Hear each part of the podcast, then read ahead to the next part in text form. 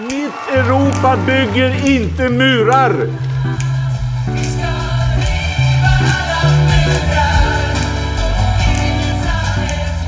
Syftet med de åtgärder som vi nu presenterar är att skapa ett andrum för svenskt flyktingmottagande. Mycket av det som regeringen sa igår ställer ju oss vi positiva till och vi tror också att en del av det kan dämpa trycket.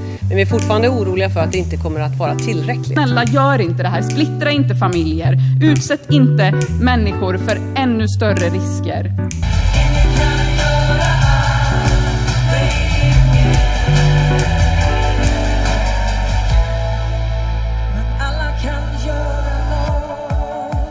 Hej och varmt välkomna till Människor och migration. Podcasten som handlar om migration och om de människor som rör sig över gränser. Jag som pratar nu, jag heter Maja Dahl och jag är kommunikationsansvarig på Arena Idé som ger ut den här podcasten. I det här avsnittet så ska vi prata om återvändande. Vad händer när en människa inte får stanna i Sverige och hur går det till när han får beskedet om att han inte får stanna? Hur går det till när han ska återvända till landet som den flytt ifrån och vad händer om han inte gör det frivilligt? Med mig för att reda ut allt det här har jag som vanligt asylrättsjuristen Ignacio Vita. Välkommen! Tack så mycket! Och statsvetaren och utredningschef för Arena Idé, Lisa Pelling. Tack så mycket, hej hej! Hej! Vi har ju dessutom gjort så att vi, jag har sedan tidigare träffat Migrationsverkets processledare för återvändande, Kristina Rennar, och gjort en intervju med henne om, om de här frågorna. Så att vi kommer klippa in Kristinas svar och helt enkelt fylla i och fylla ut det som inte sägs. Eh, men jag tänker att vi börjar lite grann med att lyssna på vad Kristina säger om ja, liksom hur återvändande funkar. Om vi börjar liksom med lite grundinformation om just återvändande. Eh, I januari så gick ju Sveriges inrikesminister Anders Ygeman ut och sa att uppemot 80 000 människor av de då 163 000 som kom 2015 kan komma att utvisas de kommande åren. Hur ser det egentligen ut? Alltså hur många människor utvisas varje år och går det att säga något om de här 163 000 som kom 2015? Eh, om man tittar lite på siffrorna bakåt i tiden så fattade vi under 2015 fattade Migrationsverket då 9500 avslag. Eh, och ganska konstant under åren så är det så att ungefär 10 000 personer lämnar Sverige självmant varje år. Eh, om man tittar på bifalls bifallsfrekvensen så ligger den på ungefär 50-60 procent. Om man då tar 163 000 personer Eh, och lägger den procenten på den summan. Eh, då blir det ungefär som Ygeman sa, ungefär 80 eh, 000 personer ska avvisas. Mm. Men då kommer det spridas ut över en, en viss period? Precis, det, det är så att det går inte att... Det är en viss process i det här, tar viss tid. Och det är svårt att jämföra siffror med siffror. Vi har ju alltid en ingående balans varje år också. Och sen så kommer det då ytterligare personer. Så vi har en ingående balans av personer som ska återvända och en ingående balans av öppna ärenden. Mm. Eh, men hur går det då till när en person får beskedet att den inte får stanna i Sverige? Eh, vi har ju en, en process förstås. Låter ganska byråkratiskt men eh, man, man söker om uppehållstillstånd om asyl i Sverige. Och sen så fattar eh, Migrationsverket första beslutet.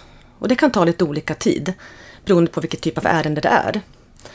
Eh, när personen får det beslutet så har man tre veckor på sig att överklaga beslutet. Om man inte gör det så vinner det som vi säger laga kraft och då är det verkställbart som vi säger. Överklagar man beslutet så går det till domstol, migrationsdomstolen. Och när de är klara med ärendet så har man tre veckor på sig att överklaga.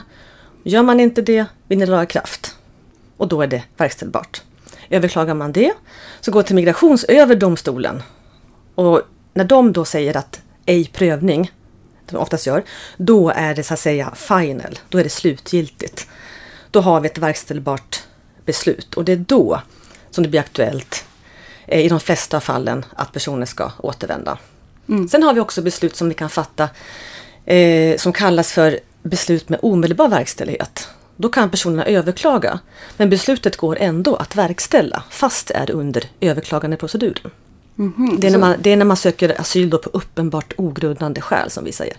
Det är en uppenbart ogrundad ansökan. Okej, vad kan vara en uppenbart ogrundad ansökan? Att man inte har några asylskäl alls egentligen. Ofta så handlar det om länder på västra Balkan exempelvis. Eh, det är väl det som man också pratar om i Bryssel om att eh, utfärda eller upprätta säkra landlistor. Det är uppenbart ogrundade ansökningar. Okej. Um, men om det då liksom så här, hur får den här personen själva beskedet? Så här, att när, när den först får beskedet från er, hur går det till? Hur ser det ut? Är det i ett rum? Får man det på papper? Mm. Ringer någon? Hur ser det ut? Eh, I Sverige så har vi ju en, ett system med att Migrationsverket är ju den myndighet som gör väldigt många saker. Eh, vi är nog ganska, jag tror att vi är ganska unika sett till i ett EU-perspektiv. Att vi handhar så många olika situationer under det vi kallar för processen. Från ansökan ända och vi har hand om hela personens sociala eh, situation och vi har hand om förvaren och vi har också hand om själva återvändandet. Om personen har velat återvända frivilligt. Eh, I praktiken så innebär det här att vi kallar en person på vad vi kallar för underrättelsesamtal. Och då kallar man personen, man har tolk med sig. Och det är viktigt för oss då att den här personen förstår vad beslutet innebär. Att man förstår sin process. Vad som har hänt, vad anledningen är till avslaget, vilka möjligheter alternativ man har just nu, vilket stöd man kan få och sen möjligheter till att överklaga beslutet då. Allt det här går man igenom mm. med personen. Och de samtalen är alltid just avslag. De, de kommer inte in där och så kan få reda på att de får stanna. Eh, jo, det, det, är samma mm. sak där. Ah. Man underrättas då om att man får permanent uppehållstillstånd också, eller uppehållstillstånd då. Mm. Det är samma sak, det är en underrättelse.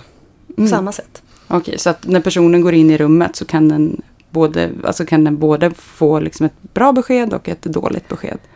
Ja, man, man, kan, man kallas på, vi kallar det för puttsamtal. Så mm. man vet om att man har fått det här tillståndet säkert mm. innan. Eh, jag är rätt säker på att de flesta vet vilket samtal det är man ska få. Så att det kommer nog inte som någon överraskning. Mm. Men vad händer då om personen inte dyker upp till det här samtalet? Eh, om personen bor i, eh, i vad vi kallar för anläggningsboende, i våra boenden, då kollar vi om personen finns kvar i boendet. Vi kallar, den kommer inte och sen kollar vi vart, vart är personen. Och är den då så att säga borta, eh, då registrerar vi det och då har vi ett beslut som inte är underrättat. Och är personen där, då får vi underrätta beslutet. Bor man i eget boende så kallar vi eh, två gånger för att den ska komma på samtalet. Och gör man inte det, då är personen så att säga avviken som vi säger på vårt språk.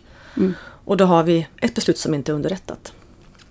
Och vad händer då om, den inte, om det inte är underrättat? Vad, ja, då, då skrivs personerna ut ur våra system helt och hållet. Eh, allting, de eh, utregistreras helt enkelt. Och dyker man sen upp, eh, kommer tillbaka eh, på något sätt, då får vi underrätta beslutet. Okej. Ja, där har du då hur, hur många det är ungefär som återvänder varje år, men också hur det går till vid de här samtalen där personer får beskedet. Det första beskedet att de inte får stanna i Sverige.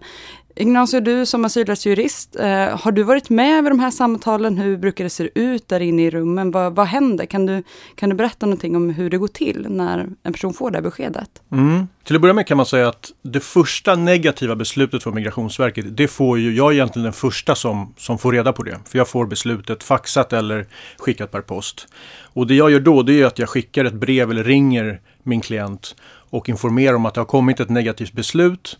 Eh, du kommer att bli kallad till ett möte hos Migrationsverket där de kommer att informera dig om det här beslutet, informera dig om varför de har fattat det här beslutet och från och med den dagen så är det en, en tid som löper om tre veckor som är den tiden man har på sig att överklaga det här beslutet. Ehm, och normalt sett så är man ju inte med på det här, det här mötet där, eh, där man blir underrättad. Eh, utan de asylsökande åker dit själva. Eh, I vissa fall eh, så, har, så har mina klienter verkligen velat att jag är med och då, och då följer jag med. Eh, och eh, det går till på det sättet som, som sades här att man, man, eh, man åker till Migrationsverket, det finns en tolk närvarande och en person eller två från från Migrationsverket som helt enkelt underrättar om det här beslutet och så får man skriva på att man har blivit underrättad den här dag, dagen om det här beslutet. Eh, och eh, det är klart att det är ju aldrig, alltså många är ju väldigt upprörda vid, vid det, det, mötet. Man är väldigt frustrerad över, över att Migrationsverket har missförstått den eller tolkat saker fel eller gjort en felaktig bevisvärdering och så vidare. Eh, men eh, eh, ja, det, det är ungefär så det går till. Men då, då får vi med den här bilden framför sig att den här personen går in där själv i ett rum och den som finns där att förklara allting är Migrationsverket. Eh, finns det någon nackdel? Jag tänker Lisa, skulle, borde civilsamhällsorganisationer eh, finnas där? Finns det någon nackdel att Migrationsverket både i, där i det sammanhanget kan man säga både bödel och informant om vad som mm. händer?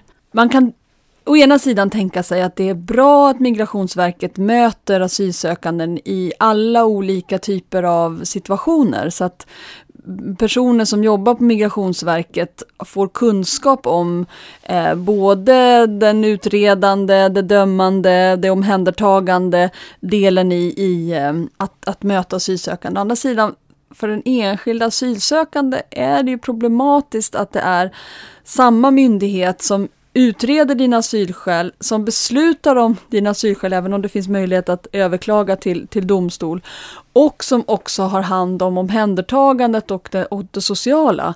Att eh, man kan tänka sig att här så skulle civilsamhällesorganisationer som till exempel Röda Korset, som ju inte har den här utredande och dömande rollen, eh, kunna spela en väldigt, väldigt viktig roll. I vissa eh, frågor så gör de det, men jag tror att det finns utrymme för att stärka den rollen även i Sverige. Okej, men Ignacio, då har liksom, nu har vi pratat lite grann om hur det första samtalet går till, men vad händer då när, när den här perioden har gått ut för hur man kan överklaga och personen, det slutgiltiga beskedet kommer? Hur går det samtalet till? Är du med då eller hur har det varit vid de tillfällena? Men precis, först kommer ju det negativa beslutet från Migrationsverket, sen kan man överklaga till Migrationsdomstolen och sen om det blir ett en negativ, ett negativt eh, beslut där så kan man överklaga till Migrationsöverdomstolen och om det blir ett nej där då vinner det här beslutet laga kraft som, eh, som sades här. Och, och eh, då sker det det så kallade återvändande samtalet som handlar om, om ett första möte med, med Migrationsverket där man så att säga ska prata om hur ska det här återvändandet gå till. Och det mötet är det väldigt många som är ganska oroliga för. De vet att, att det inte går att överklaga mer. De vet att det inte finns någonting mer att göra i det nationella systemet. Och då är det många som är väldigt oroliga. Kommer polisen vara där? Kommer jag bli frihetsberövad? Eh, och så vidare. Eh, normalt sett så är jag aldrig med i de samtalen men jag har haft några, vid några tillfällen så har, så har man ändå följt med. Eh, men, men normalt sett ingår inte det i så att säga, uppdraget som offentligt biträde att, att vara med i, i, i, de, i de samtalen. Det man kan ju säga är ju att, precis som sades här också, vissa går ju dit och andra går inte dit. Och då går de inte dit så kan de få flera kallelser eh, och när det har gått två eller tre kallelser och de inte har dykt upp där, då, då antecknas de som avvikna och då lämnas ärendet över till polisen. Eh, nu går ju diskussionerna, eh, de politiska diskussionerna just nu handlar ju om att kanske få in polisen i ett mycket tidigare skede. Eh, och det tror jag bara kan avskräcka människor från att komma till det här återvändande samtalet. För att de just är rädda för att polisen kommer vara där och, och, eh, och frihetsberöva dem. Eh, så det, det, tror jag är en, är en kontraproduktiv strategi att, att, eh, att liksom öka repressionsnivån i det stadiet. Det kommer bara få folk att, att gå liksom under jorden på ett, tidigare skede tror jag. Eh, och på det här mötet så får man ju frågan, är du, vill du återvända självmant? Eh, och svarar man ja på den frågan så lägger man helt enkelt upp en plan för hur det här ska gå till. Eh, man kan få uppdrag att, att till exempel kontakta ambassaden för att få resehandlingar. Eller om man har ett pass så kan man få uppdrag att, att eh, helt enkelt köpa en biljett för att åka hem.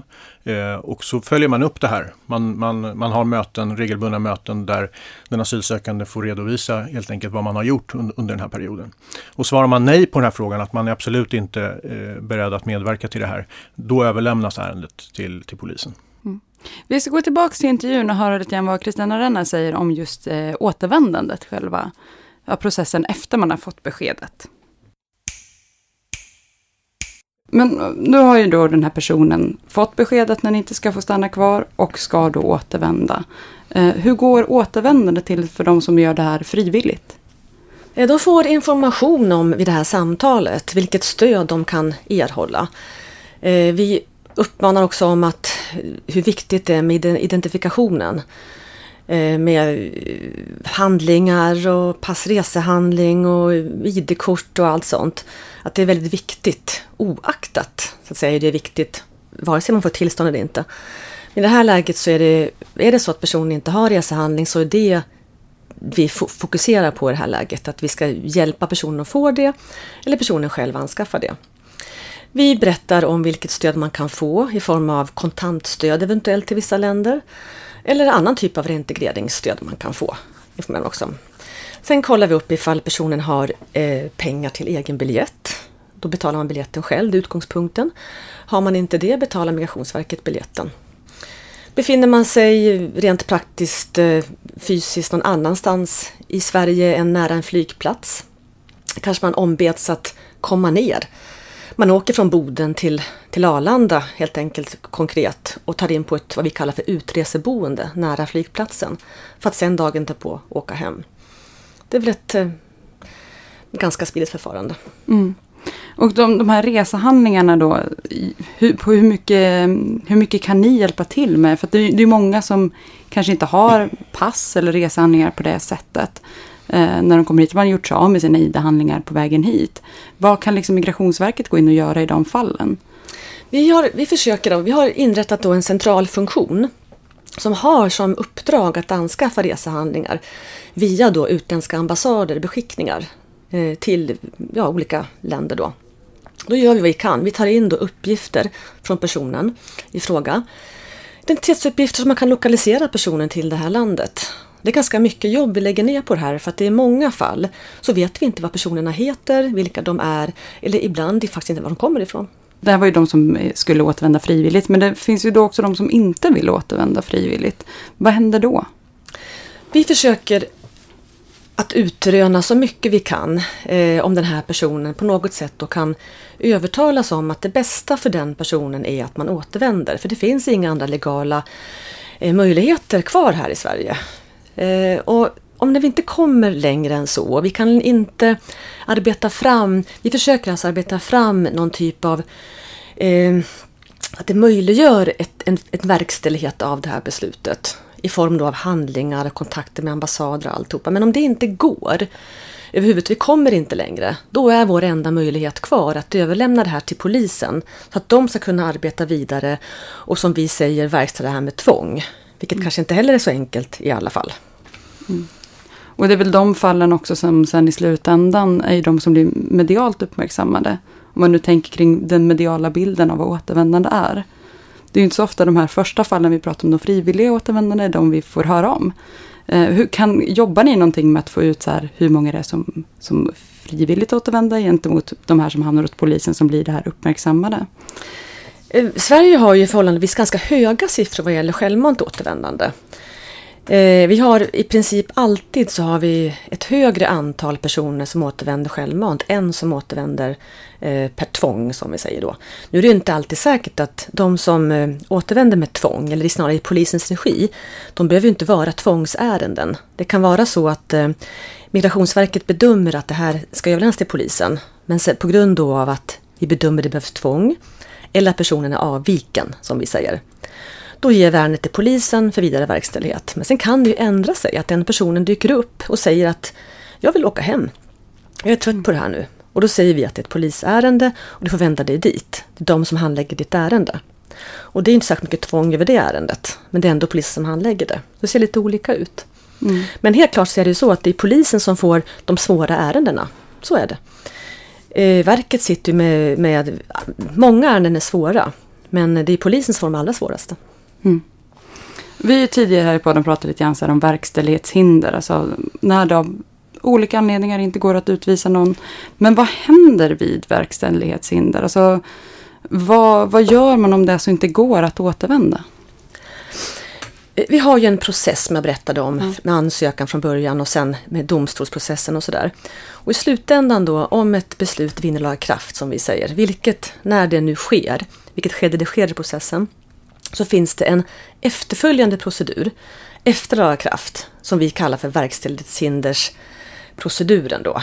då har en person möjlighet att ansöka om att jag tycker att det finns hinder för att det här ska verkställas. Och det kan vara olika anledningar. Det kan vara sjukdom, ehm, det kan vara att eh, man anser att man tas inte emot det här landet eller att man har nya omständigheter som man vill ha en ny prövning av sina, sina skäl helt enkelt. Det kan vara olika. Men vad gäller att man inte tas emot, att det inte går. Där är det väldigt få som vi anser att uppfyller det kriteriet. Eh, det är känt att det är svårt att verkställa beslut, att få folk att återvända eh, till vissa länder och det är väldigt svårt med tvångsmedel. Det har vi läst i tidningarna eh, och förstått. Men det innebär ju inte att en person inte kan återvända frivilligt. Och så länge som man kan återvända självmant slash frivilligt, då finns det inget verkställighetshinder. Det kan aldrig bli det. Mm. Eh, vad händer då liksom om det absolut inte går att, att utvisa någon? Eh, kan man få permanent uppehållstillstånd för att det inte går att återvända? Ja, det kan man få. Då finns det, det ligger också i processen, i verkställighetshindersprocessen. Att om det är så att det är fullkomligt utrett att det här inte kommer att gå att verkställa. Eh, de tar inte helt enkelt emot personen. Då finns det möjlighet att ge tillstånd till den personen, ja. Och nu pratar vi här om verkställighetshinder och där Kristina Renner berättade då att det går att få permanent uppehållstillstånd, eller det har gått att få permanent uppehållstillstånd på grund av verkställighetshinder. Men samtidigt så vet vi ju att det finns personer som, som bor här i, eller som är i Sverige, som har fått sitt besked att de inte får stanna, men som är kvar på grund av verkställighetshinder har varit här i flera år men ändå inte får uppehållstillstånd. Vilka fall är det där man inte får uppehållstillstånd även fast det tar så lång tid innan man kan verkställa dem? Ignacio? Alltså det finns ju en mängd olika beslut som faktiskt är felaktiga som Migrationsverket fattar. Och det kan handla om att man bestämmer sig för att den här personen ska utvisas till ett land där den personen faktiskt aldrig har varit i. Eller säger sig inte vara medborgare i det landet. Eh, det finns eh, situationer där man har utvisat eller man ska utvisa en person till ett land och det landet vägrar ta emot personen, vägrar utfärda resehandlingar, identitetshandlingar.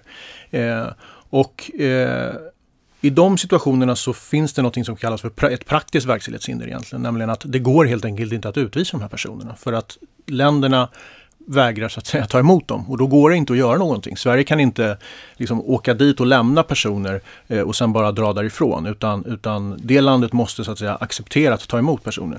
Så att där finns det ju ett, ett väldigt stort problem i att det finns ganska många människor i Sverige som eh, har, har praktiska verkställighetshinder men de får inte permanent uppehållstillstånd trots att vi vet att de här länderna kommer inte under väldigt lång tid framöver att ta emot de här personerna. Eh, nu säger Kristina att det finns en möjlighet att få ett permanent uppehållstillstånd på grund av, av praktiska verk, verkställighetshinder. Hon uttrycker det som att när det är fullkomligt utrett att den här personen inte kan verkställas till, till, till ett visst land, då kan man få permanent uppehållstillstånd. Men faktum är att jag har i alla fall under min tid som advokat aldrig stött på en endaste person som har fått permanent uppehållstillstånd på grund av praktiskt verkställighetshinder. Och det här är ett, ett, gigantiskt problem i hela utlänningslagstiftningen just nu, nämligen att å ena sidan säger ju utlänningslagen att man ska göra en bedömning av om det finns ett praktiskt verkställighetshinder redan i grundärendet. Inte vid verkställigheten utan i grundärendet ska man, ska man ta ställning till om det finns ett praktiskt verkställighetshinder. Ponera till exempel att vi vet att till exempel bidoner från Kuwait, alltså statslösa från Kuwait. Eh, Kuwait tar inte emot statslösa personer. Det vet man redan i grundärendet. Då ska man enligt utlänningslagens utformning som den ser ut just nu ta, ta hänsyn till det. Det vill säga att finns det ett, ett säkert verkställighetshinder redan i grundärendet så ska man få ett permanent uppehållstillstånd. Problemet är att Migrationsöverdomstolen har i ett mål från 2008 sagt att ett praktiskt verkställighetshinder kan man aldrig konstatera i grundärendet utan man måste försöka först. Och det är först när man har försökt som man överhuvudtaget kan ta ställning till om det finns ett praktiskt verkställighetshinder eller inte. Så att man har egentligen eh, liksom eh, förändrat, eh, man har satt, satt hela den delen av utlänningslagen ur spel på det sättet. Och när man då kommer till verkställighetsstadiet, då menar Migrationsverket att det måste vara fullkomligt utrett att det, att det finns ett praktiskt verkställighetshinder. Och det innebär väldigt många gånger att man helt enkelt inte godtar att ambassaden en gång eller två gånger har sagt vi vägrar ta emot det, vi vägrar utfärda resehandlingar.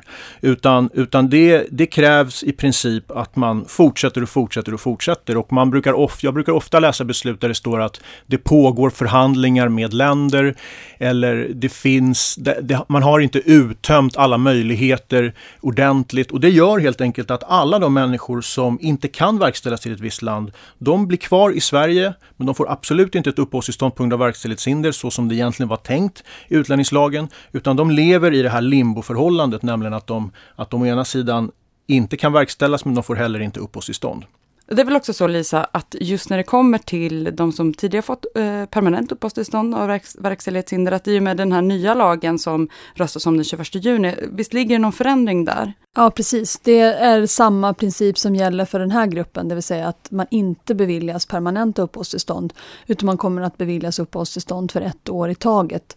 Så även om eh, man kan konstatera att verkställighetshindret är permanent, så blir tillvaron i Sverige tillfälligt. Inte heller den här gruppen får möjlighet att andas ut i Sverige. Då går vi tillbaka till intervjun med Kristina Rennar från Migrationsverket.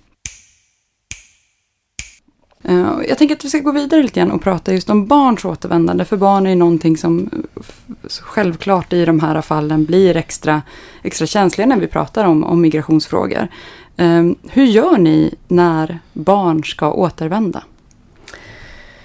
Det är ju i princip samma samma procedur med att man kallar in och har samtal. Och, och vi, vi, gör ju, vi arbetar ju väldigt mycket för att processen ska bli väldigt eh, transparent om man säger. Man ska, man ska förstå vad som händer de olika delarna. Och det som skiljer sig åt här är att man har en god man som också är med vid alla samtal och så vidare när det gäller eh, minderåriga. Men annars är processen ganska likartad med den stora skillnaden att man måste ha ett mottagande vad gäller minderåriga. Eh, det innebär att när man då ska eh, återvända en minderårig till en, ett visst land så ska det finnas någon där som kan ta emot. Eh, och företrädesvis så ska det vara en, en familj eller någon nära släkting som det är utgångstanken. Går inte det så får man leta upp andra möjligheter. Det kan vara institutioner, barnhem och andra lämpliga enheter. Mm.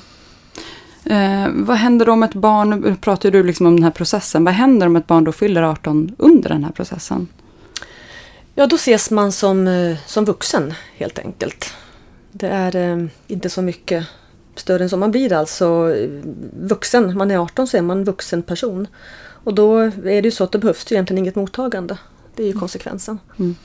Så en person som har fått ganska mycket hjälp och mycket stöd fyller en 18 under tiden där allt det här pågår så slutar man kolla mottagning på det sättet. Man kallas in på ett, eh, ett 18-årssamtal innan man fyller.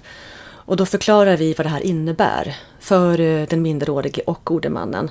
Vi förklarar eh, vad, vad det här att man fyller 18 år innebär. Så att man vet om det när den här dagen kommer. Mm. Mm. Men hur går det då praktiskt till när ett barn ska återvända? Eh, alltid när en, eh, ett barn, en minderårig, ska återvända så har vi två stycken eskortörer med. Så man eskorteras alltså eh, tillbaka till land man ska till. Och där möts man upp av den person som man då har gjort upp med ska möta upp den här minderåriga. Ja, och eskortörer, det låter som att det är fler. Det är två stycken på varje. Man åker aldrig ensam utan två stycken personal från Migrationsverket åker med den här minderåriga och ser till att det faktiskt tas emot. Man släpper aldrig en person utan att veta om att den blir mottagen på flygplatsen. Mm. Um, nu pratar vi lite grann också om mottagningsförhållanden, att ni kollar upp det. Vad är då ett godtagbart mottagningsförhållande när det kommer till barn? Eh, det får bedömas utifrån förhållandena i det aktuella landet eh, och inte efter svenska förhållanden. Eh, och om det här landet i fråga inte kan ange exakta detaljer för det här så godtas eh, det här om ingenting talar emot att det skulle vara fel. Men det här är, det är landinformation som vi tar reda på också. Vi har ju en landinformationsenhet som gör olika resor till olika länder och tar reda på då exempelvis om det finns eh, lämpliga eh, mottagningsenheter i det här landet. Mm. Men när du säger att, att det liksom inte, man utgår inte från svenska förhållanden utan från landets förhållanden. Liksom, hur ser den avvägningen ut? Den är svår, men i första hand så strävar jag efter att det, det är ganska sällan som vi sänder barn.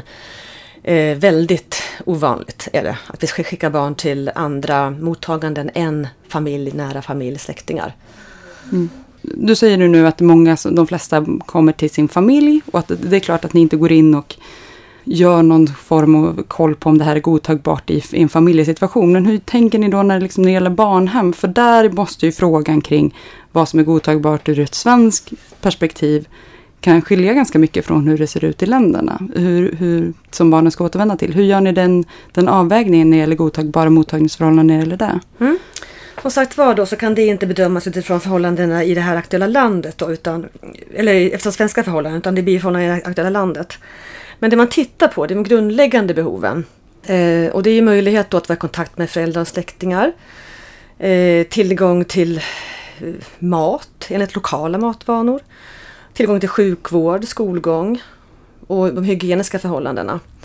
Att det är väl lite sånt man tittar på när man då åker ut från den här landinformationsenheten LIFOS och gör en bedömning av eh, relevanta barnhem om det finns i det här landet och ej.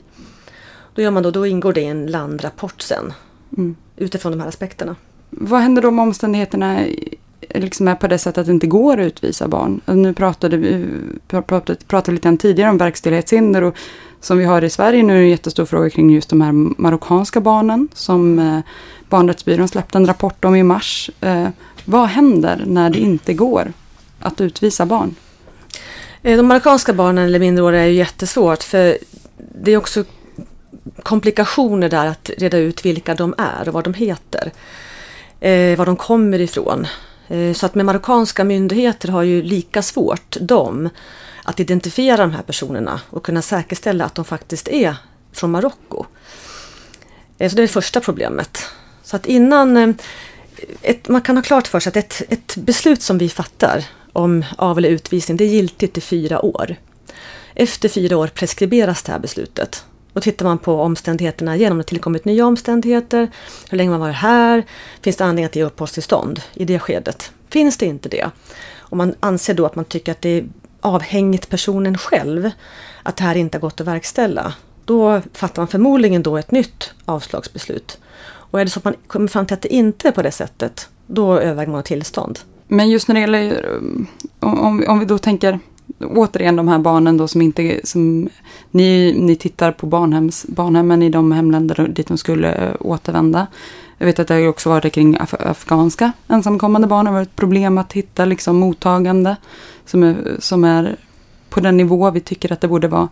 Hur, hur, kan, hur kan Migrationsverket jobba kring de frågorna? Och skulle det kanske rent utav vara bara enklare att ge de här barnen uppehållstillstånd? Jag tror verket måste bli betydligt bättre på familjeefterforskning. Att reda ut och un eh, undersöka eh, var familjerna finns någonstans och göra utredningar om det. Ha personer kanske med på plats i, i aktuellt land eh, Eh, för att utröna om man kan hitta familjen eh, eller andra eh, vänner och släktingar. Nu är det ju så att ofta de här ärendena så är det ju en person som vi har i Sverige som har fått avslag som kanske inte vill att familjen ska hittas. Och då blir det problematiskt för att då kanske inte uppgifterna är rätt heller. Så det här är en jättesvår eh, ekvation att få gå ihop. Mm. Det jag och Kristina Rennan pratade om här var ju då verkställighetshinder när det kommer till barn och ensamkommande barn. Eh, och då framförallt kanske just när det gäller då de här marockanska barnen eh, som inte går att sända tillbaka. Och jag vet att Ignacio, du satt ju i den panelen när Barnrättsbyrån presenterade sin rapport om de här frågorna. Finns det någonting du skulle vilja tillägga till den bilden som Kristina visar av den här frågan? Ja, det skulle jag vilja göra. Alltså, till att börja med så skulle jag säga att, att eh, det, det, har varit ganska mycket fokus på de marockanska barnen men det finns ganska många ytterligare barn från olika länder som har egentligen samma situation, nämligen att, att länderna som de påstås tillhöra inte vill, inte vill ta emot dem. Och jag var inne på det tidigare när det gällde vuxna och det är egentligen samma sak när det gäller barn, nämligen att och framförallt när det gäller de, de, de marockanska barnen så säger ju Kristina här att det finns stora komplikationer. För det är svårt att veta vilka de är. Och det är även svårt för Marocko att liksom bekräfta vilka de är och därför så kan de inte uttala sig om dem, huruvida de är marockanska medborgare eller inte. Och när man kommer fram till det, men det är helt uppenbart, Marocko har under mycket lång tid aktivt motarbetat återtagande av sina medborgare. De har sagt till både Sverige och till flera olika europeiska länder att de är inte marockanska medborgare. Vi har 80 000 gatubarn i Marocko. Vi har problem så det räcker. Vi tänker inte medverka på något sätt till att verkställa de här personerna. Marockanska barnen har själva gått till ambassaden i, Marok i, i Sverige, marockanska ambassaden, för att få ut resehandlingar och ambassadörerna inte bara säger nej utan de är väldigt otrevliga dessutom. Och säger liksom så här, glöm det, ni kan gå härifrån. Vi kommer inte att hjälpa er överhuvudtaget. Och det här vet Migrationsverket. Så att Migrationsverket vet att det finns liksom väldigt tydliga praktiska verkställighetshinder. Och det har pågått under väldigt lång tid och kommer att pågå under väldigt lång tid. Och ändå så har de här barnen inte beviljats uppehållstillstånd på grund av verkställighetshinder. Så att jag skulle definitivt vilja komplettera den bilden som Kristina ger med det att, att, att jag anser att Migrationsverket inte följer utlänningslagen när man inte ger de här barnen uppehållstillstånd på grund av verkställighetshinder. För de gör allt de kan göra för att få resa och det har pågått under många år utan att de har kunnat få något tillstånd. Och då har hamnat i väldigt svåra och utsatta lägen där, där de eh, helt enkelt hamnar i, i miljöer som inte är särskilt bra för barn. Det man skulle kunna lägga till till den här frågan är ju att eh, den här eh, problematiken med barn som ska avvisas och som ska tvångsavvisas, den kommer bara bli större det var 35 000 ensamkommande flyktingbarn som sökte asyl i Sverige förra året. Eh, och en hel del av dem kommer tyvärr att få ett avslagsbeslut på sin asylansökan. Eh, och, och, så de misstag som Migrationsverket har gjort hittills eller de, de problem som finns med den lagstiftning som, som vi har, de kommer tyvärr bara bli eh, värre. Och här kan man bara rikta liksom en uppmaning mot alla de människor och organisationer som möter ensamkommande i den här situationen att verkligen stå på tå och försvara deras rättigheter, vara med dem, hjälpa till och, och på alla sätt det går bidra till att, göra, att förbättra den här eh, processen. Det lönar sig verkligen i det här eh, läget. Men det som också, som också kommit fram nu är ju att det är många av de här, eh, framförallt då afghanska barnen, som tar nu tillbaka sina asylansökningar. Och det pratade jag med Kristina Renna från Migrationsverket om. Vi ska höra hur det lät. Nu när vi också så här pratar om de här afghanska barnen, ehm, så, så har det ökat andelen av de som drar tillbaks sina ansökningar den senaste tiden. Vad beror det på att det har blivit en, en ökad andel personer som tar tillbaka sin asyl, asylansökan? Vi har ju överlag ganska många personer som återkallar sin asylansökan. Och vad gäller eh, minderåriga så är det majoriteten är från Afghanistan. Och vi har nog, vi har i princip kö på att ordna återvändande, ordna mottagande dit. Det är en ganska tidskrävande procedur. Det kan vara ganska frustrerande för de minderåriga som vill, väl har bestämt sig för att återvända hem, vill man göra det snabbt. Eh, och Migrationsverket då arbetar så som vi kan. Vi måste ändå ha ett mottagande till de här minderåriga och också eskortera dem hem. Mm. Så även de barn som, som bestämmer sig för att nu vill jag åka hem, där måste ni gå igenom samma procedur? Ja. ja. Och hur, hur lång är kötiden ungefär? kan man säga? Det beror lite på eh, vilka uppgifter den mindreårige ger angående familj och, och släkt i Afghanistan och hur snabbt de kan komma och möta. Och sen måste vi också ha en, eh, en biljett, en flygbokning, vi måste få två personer som ska följa med. Det kan ta några månader. Mm. Eh, en sista fråga här då. Vi pratade liksom inledningsvis om att det finns en risk nu att Sverige kommer att utvisa allt fler människor de kommande åren i och med att det har kommit så mycket folk. Ehm, finns det något med, med återvändande systemet som du skulle vilja se förändring i då? Kanske förutom då att ni behöver bli bättre på att komma och hitta familjen. Jag tror att eh, överhuvudtaget så är arbetet med återvändande, för att få till ett lyckat återvändande, så måste vi få till en situation där Eh, personerna inte har varit i Sverige så länge. Och för att få till det så måste vi ha en snabbare process. Och det innebär att både Migrationsverket och domstolarna måste vara mycket snabbare i själva hanteringen. För att ju längre en person har varit här i Sverige, ju svårare är det att, få, att kunna få den personen att återvända. Man akklimatiserar sig här i Sverige och barnen kanske går på i skola och i dagis och det blir ett ganska normalt liv. Så ju längre man är här, ju svårare återvändande blir det. Det måste förkortas. Mm. Sen så tror jag att vår, vi är två stycken myndigheter som hanterar ungefär samma saker. Eh, vi måste få bra förutsättningar eh, att arbeta tillsammans och samverka. Vilka bli, två myndigheter? Det är Polismyndigheten och Migrationsverket. Mm. Och ska vi samverka och få till ett effektivt återvändande så måste det vara förutsättningsfullt också. Att det finns möjligheter att göra detta. Jag tror att vi måste få in ett eh, tidigare tänk också i hela, i hela processen vad gäller återvändande. Och det försöker vi få nu genom att vi sjösätter en, eh, en ny process vad gäller hela asylansök, asylansökningarna.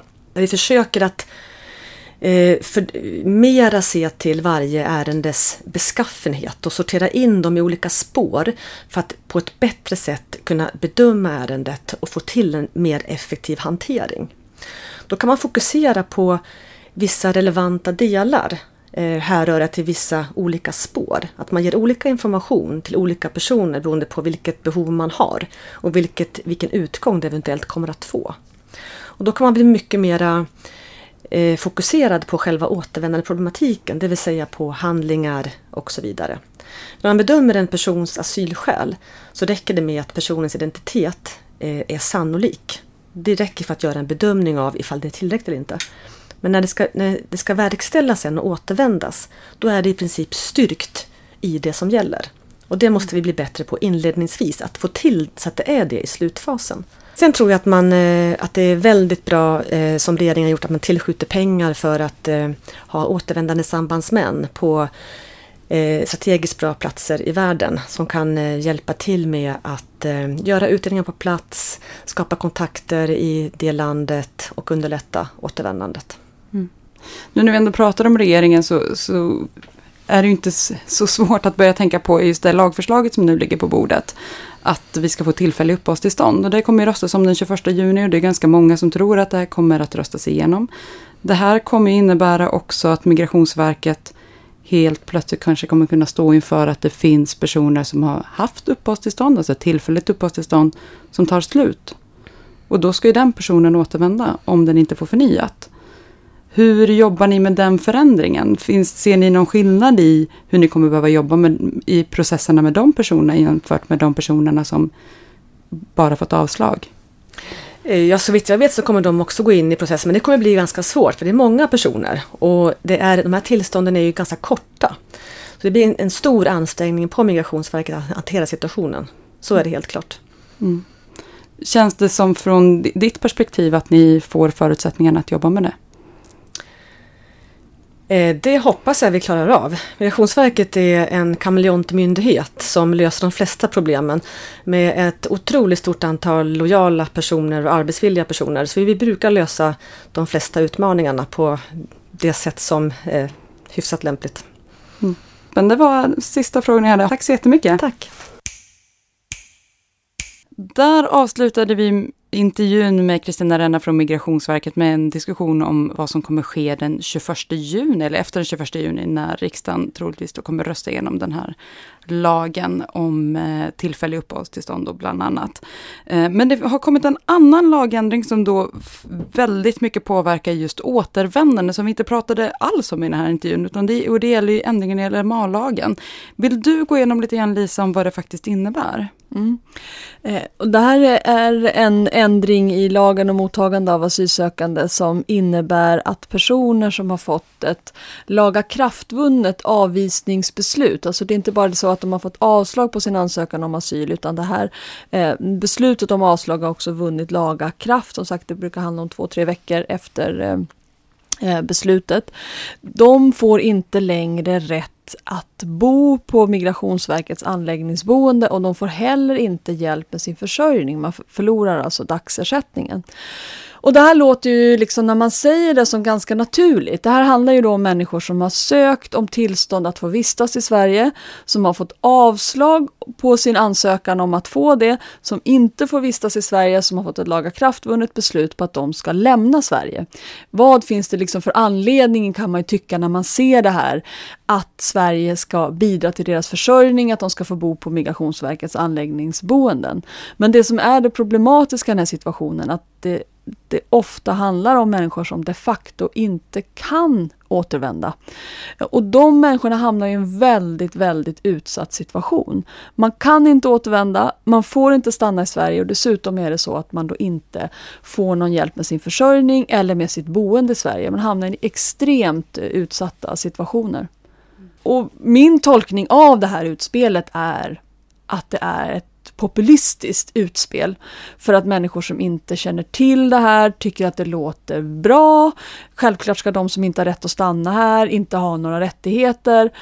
Eh, och i de här liksom uppiskade stämningarna som råder nu så eh, ja, är det opportunt för politiker att lägga fram den typen av förslag. Mm. Och du säger att man inte får hjälp med sin försörjning, men går det på något sätt när du inte har tillstånd att vara i landet att hitta försörjning själv? Alltså vem anställer en person som, inte, som egentligen ska... Nej, du har ju inte heller tillstånd att arbeta i Sverige. Som i den här situationen så är du, har du inte tillstånd att vara i Sverige, inte heller att arbeta i Sverige. Så den enda möjligheten till försörjning är ju att, att arbeta eh, illegalt. Eh, alltså som, som, som papperslös och, och eh, i den väldigt utsatta situationen som det innebär. Så, sen finns det ett undantag och det är om man är barn eller barnfamilj. De, de omfattas inte av det här av, av det här kravet då på att, eh, på att vara tvungna att flytta ifrån boendet. Men det är som Lisa säger, alltså i, i den här propositionen så eh, eh eller jag vet inte om det var en proposition, men hur som helst så, så menar ju regeringen att det finns ungefär cirka 2000 personer som eh, som befinner sig på Migrationsverkets boende trots att de har fått ett, ett eh, utvisningsbeslut som har vunnit laga kraft. Och de menar att det inte är rimligt att de tar upp den här platsen. Men precis som Lisa är inne på så en väldigt stor del av de här personerna är ju personer som eh, har gjort allt de kan för att kunna återvända. Men de får inte, antingen att det tar väldigt lång tid att få resehandlingar eller att länderna helt enkelt inte väljer att, att eh, ta emot dem eller att de har blivit helt enkelt anvisade till helt fel land. Och, och i det läget så det man gör är ju, är ju att man straffar personer som faktiskt medverkar till att, till att verkställa utvisningarna. Eh, och, det, och jag tror att eh, det är precis som Lisa säger, att jag tror att det finns väldigt mycket, mycket populism i det här. Och pro, det stora problemet med det också, det är ju att man tappar kontrollen. Om man nu ska prata utifrån regeringens perspektiv så förlorar man ju kontrollen över de här personerna. Eftersom de, man vet inte längre var de kommer bo någonstans. Det kommer bli mycket svårare att få dem till olika återvändande möten. Och det kommer leda till att, att kontrollen av de människorna kommer ju gå till på något annat sätt. Och då är frågan så här, hur kommer den kontrollen gå till? Och det är ju naturligtvis genom polisens ansvar att, så att repressionsnivån kommer ju öka för att kunna verkställa de här utvisningarna. Eh, sen ska man säga att det finns ett undantag i den här, i den här lagändringen också. Det är om det är uppenbart oskäligt att ta bort ersättningen för människor. Men eh, det är väldigt oklart vad det betyder, hur man ska tillämpa det. Eh, Migrationsverket har nu precis i dagarna utfärdat ett så kallat rättsligt ställningstagande där de har gått igenom hur man kan tänkas tillämpa det här, det här uppenbart oskäliga. Eh, och där de just nämner de här praktiska verkställhinder som en, en sån eh, situation som skulle kunna leda till att man faktiskt inte blir av med, med, med, bidraget och boendet. Men man säger samtidigt att det här ska tillämpas på väldigt få fall och att det ska vara en väldigt restriktiv tillämpning. Så att vi kommer att se människor som har medverkat till att verkställa sina utvisningar som kommer att hamna på gatan och inte ha någon försörjning samtidigt som de inte kan lämna Sverige. Och det kommer ju öka utsattheten för de här personerna. Motsättningarna kommer att öka mellan olika grupper och det kommer, kommer inte leda till att vi ökar egentligen eh, verkställigheten. Och det är det som är regeringens syfte. Regeringens syfte med den här lagen det är ju att fler ska verkställas till sina hemländer. Samtidigt som man inte hanterar den mest avgörande frågan som hindrar verkställighet, nämligen att människor faktiskt inte kan återvända. Att det finns en mängd människor som bär på, som har utvisningsbeslut som inte går att verkställa. Eh, och jag tror att eh, jag tycker att det är viktigt, alltså nu Kristina pratade om vad man ska göra nu eller vad man borde göra för att underlätta liksom verkställigheten och, eh, och så. Och jag tror att, eh, jag, tycker, jag tycker man ska fokusera på vad det är som har gjort det svenska verkställighetsarbetet ganska framgångsrikt. För att Sverige har ju högre andel av frivilligt återvändande människor än i de absolut flesta europeiska länder. Och de absolut flesta europeiska länder de har de, system som Sverige nu börjar införa, nämligen högre repressionsnivåer, fler förvar, eh, mycket sämre ekonomiska förhållanden för de som har fått utvisningsbeslut. Och jag tror att en av anledningarna till att Sverige ändå har lyckats återvända så pass många frivilligt, det är att man ger stöd åt människor. Man ger stöd åt att återvända, man, ger, man, man kan till och med få ett bidrag när man väl har så att säga kommit till, till det landet där man, där man kom ifrån. Och det är den typen av, av liksom incitamentsstrukturer som vi behöver för att människor ska återvända. Istället så, så, så bidrar man nu till en ökad repressionsnivå som jag tror bara kommer leda till att fler människor kommer gå under jorden, fler människor kommer hålla sig undan från myndigheterna och det kommer inte leda till en, till en ökad verksamhet verkställighet utan snarare en ökad utsatthet hos människor. Och det tror jag liksom inte är någon väg framåt. Men ja, det, det, man får förmodligen ganska mycket eh, liksom populistisk opinion på, på, sig för man framstår som väldigt handlingskraftig. Men, men analysen och, och liksom konsekvensanalysen av de här förslagen den lyser helt med sin frånvaro. Det tycker jag är mest oroväckande, det är att hela den här politiken läggs om radikalt utan någon analys av situationen. Vad är det grundläggande problemet och hur kan vi lösa dem? Utan, utan man, man, man genomför ganska avgörande förändringar utan att egentligen fundera på vad de får för långsiktiga konsekvenser. Och där skulle jag lägga till att det är väl lite symptomatiskt för dem.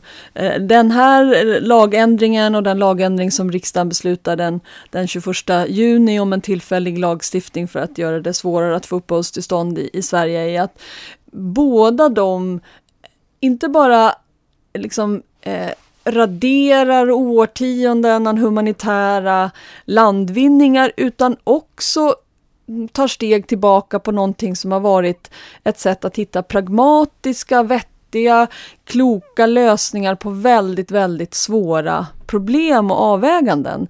Eh, och, och, och de här, de lagen som har funnits har ju någonting som har liksom kommit till för att hantera svåra eh, situationer. De här svåra situationerna försvinner inte bara för att lagstiftningen eh, förändras, utan de kanske, precis som Ignacio säger, blir ännu svårare att, eh, att hantera. Och man skulle önska att det fanns lite mera sans, lite mera eftertanke, lite mera som du säger konsekvensanalys. Istället så, så är det panikartade, eh, dåligt underbyggda eh, förslag som, som läggs fram. Alltså man, man, man ska vara ärlig och säga också att det finns ju väldigt många som kan verkställas men som gömmer sig och håller sig undan. Det, det, liksom, det ligger ju i den här situationens natur att man har ju lämnat sitt land för att man upplever att man inte kan vara kvar och då vill man ju heller inte återvända i första taget. Och då blir ju frågan sådär, men, men hur kan man få en ökning av verkställigheterna? Och det, det är där som jag tycker att det, det är den är liksom huvudfrågan. Vad är drivkrafterna till att människor går under jorden? Och hur kan vi få människor att känna att de kan återuppbygga sitt liv i ett hemland som inte är krigsdrabbat till exempel? Och, och det, det, det är den diskussionen som vi verkligen behöver om man menar allvar med de här sakerna. Istället hör vi till exempel Morgan Johansson som säger att Sverige är inget hotell gick han ju ut och sa för ett tag sedan. Som, att, som, om, att, som om att dagens flyktingar åker hit för att Sverige är, är någon form av hotell. Och den där, det är precis som, som, som Lisa är inne på, så man har övergivit den här pragmatiska, sansade, förnuftiga analysen av samhällsproblem och, och nu liksom är, är, har, har liksom gått in på den här handlingskraftslinjen som är väldigt förödande tror jag. Men nu känns ju allting jättehopplöst. Lisa, kan du säga någonting till mig och till lyssnarna som gör att vi får någon kontext till det här. Någonting som gör att vi förstår återvändandet, återvändandeprocessen bättre. Jag, jag, tänker bara att man måste lägga till i, i när man diskuterar återvändande är ju att, att människor som inte får tillstånd att vistas i Sverige ska återvända är ju en nödvändig del av en reglerad invandring. Eh, varje land har rätt att bestämma vem som eh, får vistas på ens territorium. Sen har vi att förhålla oss till internationella konventioner som säger att vi ska pröva människors rätt att få skydd och människor har rättigheter under den prövningstiden och när man får skydd så har man också eh, rättigheter. Men en del kommer inte att få den rätten att få skydd och de ska återvända. Så det, men det, det, med det sagt så får ju inte återvändandet gå till hur som helst. Eh, och där är det otroligt viktigt att de här lagarna utformas för de väldigt svåra mänskliga situationer som lagarna är tänkta att hantera. Men det är också viktigt att vi alla andra inser att enbart lag, enbart myndighetsutövning, enbart myndigheter kommer inte att klara av den här uppgiften ensamma utan det krävs också att det finns en övervakning från det civila samhället, att man ständigt har eh, ljus på de här situationerna, ständigt bevakar dem och det krävs också att det finns medmänniskor som står vid de asylsökande, vid de avvisande sida och, och hjälper till och är med den, i den processen. Så att det finns oerhört mycket att göra även i dessa svåra tider och kanske just nu när, när de här lagarna skärps så är det ännu viktigare än någonsin tidigare att det finns gode män, att det finns engagerade personer personer inom, inom Röda Korset, inom barnrättsorganisationerna som bevakar de här frågorna som är, är medmänniskor. Tack Lisa. Nu känns det kanske lite, lite bättre. Det får bli det sista som vi säger här idag. Tusen tack Kristina Renner som kom hit och pratade med mig innan då, som är processledare vid eh, återvändandeenheten på Migrationsverket. Eh, tusen tack Ignacio Vita, asylrättsjurist och Lisa Pelling, statsvetare och utredningschef på Arena Idé. Och tusen tack till dig som har lyssnat. Vi är tillbaka om ungefär en vecka nu när det här avsnittet släpps lite sent. Då har vi återigen fin besök här i studion för Katarina Areskog Mascarenas som är chef för eh, e EU-kommissionens representation i Sverige är här och pratar om EU-kommissionens roll och eh, vad som händer lite grann med avtalet med Turkiet och andra stora och svåra frågor. Så lyssna gärna då när vi släpper det. Kan du inte hålla dig den där lilla, lilla veckan som det nu handlar om eh, på att då lyssna på något annat som Arena Idéer ut. Lyssna gärna på Syskonpodden, Pengar och politik. Ett nytt avsnitt släpps redan imorgon fredag. Eh, ni kan även lyssna på Arena Play, där Arena Idé lägger upp lite inspelningar från seminarier som vi arrangerar. Både Pengar och politik, Arena Play och Människor och migration hittar du via Soundcloud, iTunes och valfri podcastapp där du tycker om att ladda ner poddar. Vill du kommentera eller har du frågor efter dagens avsnitt så kan du höra av dig till oss på Twitter, du når oss på arenaid eller på Facebook. Där hittar du oss som människor och migration. Med det sagt, tusen tack för att du har lyssnat och vi hörs igen om ungefär en vecka. Tack så mycket!